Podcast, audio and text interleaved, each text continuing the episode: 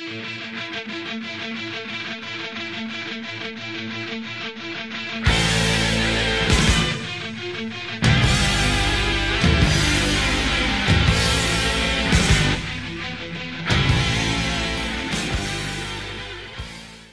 og velkommen til vår podkast 'Psykologi og fremmedspråk'. Den eneste podkasten i verden på 21 språk med tysk aksent. Jeg heter Gerhard Orband, jeg er psykolog, bokforfatter og tysklærer. Denne podkasten hjelper deg å forbedre språkferdighetene dine, uansett om du er nybegynner eller profesjonell. Jeg er ikke ekspert på norsk. Du har selvfølgelig allerede forstått dette. Vær tålmodig med meg. Men jeg lover at jeg skal bli bedre med hver nye episode. Hvis du har oppdaget denne podkasten akkurat nå, kan du sjekke ut de siste episodene først. Kvaliteten vil være mye bedre enn i det første. Temaet for dagens episode er dette investeringsfellen i språkopplæring. Jeg håper at du ikke gikk glipp av vår siste episode. Ingen trenger å motivere deg. Du kan finne alle podkastepisoder i arkivet vårt. Hvis du vil høre på denne podkasten på et annet språk, gå til hjemmesiden vår thegomethod.org slash podcasts thegomethod.org slash norwegian. Vil du forbedre ditt tysk, bare send meg en e-post slik at du kan tjene på en gratis konsultasjon. Jeg er ikke sikker på at jeg kan hjelpe. La oss starte. Investeringsfellen i språkopplæring. Den sank cost fallacy er et populært begrep i økonomisk teori.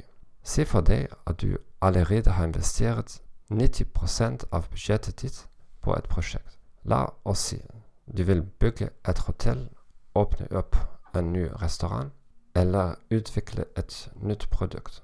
Du har fortsatt 10 av budsjettet ditt å bruke, men du får pålitelig informasjon om at prosjektet ditt ikke har noen sjanse til å være lønnsomt. Hva vil du gjøre med de siste 10 av budsjettet ditt?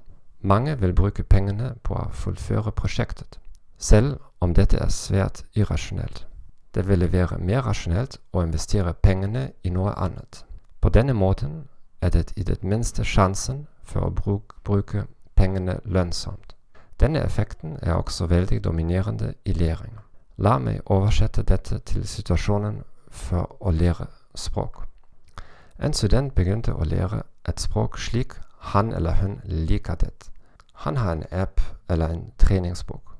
Han fullfører hver dag vis visuelle øvelser for grammatikk. Etter mer enn ett år innser han at han ikke kan snakke, at han føler seg blokkert i hver samtale. Hva vil studenten gjøre? Mest sannsynlig vil han fortsette å lære mer intenst, med de samme verktøyene. Eller han vil be læreren sin om å gi ham andre øvelser eller mer attraktive apper. Etter det andre året føler han seg frustrert over sine kommunikasjonsevner. Han begynner å lete etter nye lærere på nettet. Hva vil han se etter? Han vil se etter en lærer som har fine videoer der han eller hun forklarer grammatikken. Eleven liker det fordi han kan lese alt læreren forklarer. Etter tre år er han fremdeles frustrert. Imidlertid møter han en lærer som foreslår ham å lære språk ved øret, som foreslår å bli kvitt med visuelle materialer, og å begynne å lære bare akustisk, bare ved øret. Fra min personlige erfaring vil de fleste studentene si følgende Jeg er ikke typen å lære ved øret. Jeg er allerede vant til å lese, og jeg er ikke sikker på at metoden din fungerer. Etter noen år til vil jeg møte den samme studenten. Han er fortsatt blokkert, men han er optimistisk for at han vil finne den rette læreren eller bedre læremateriell. En dag. Takk for at du har hørt på podkasten vår Psykologi og fremmedspråk. Jeg håper denne informasjonen var nyttig for deg. Abonner på kanalen vår på Apple Podcast, Spotify, Stitcher eller favorittappen din. Vennligst anbefale oss til dine venner og kolleger. Som jeg lovet før, vil språkdelen bli bedre med de neste ukene.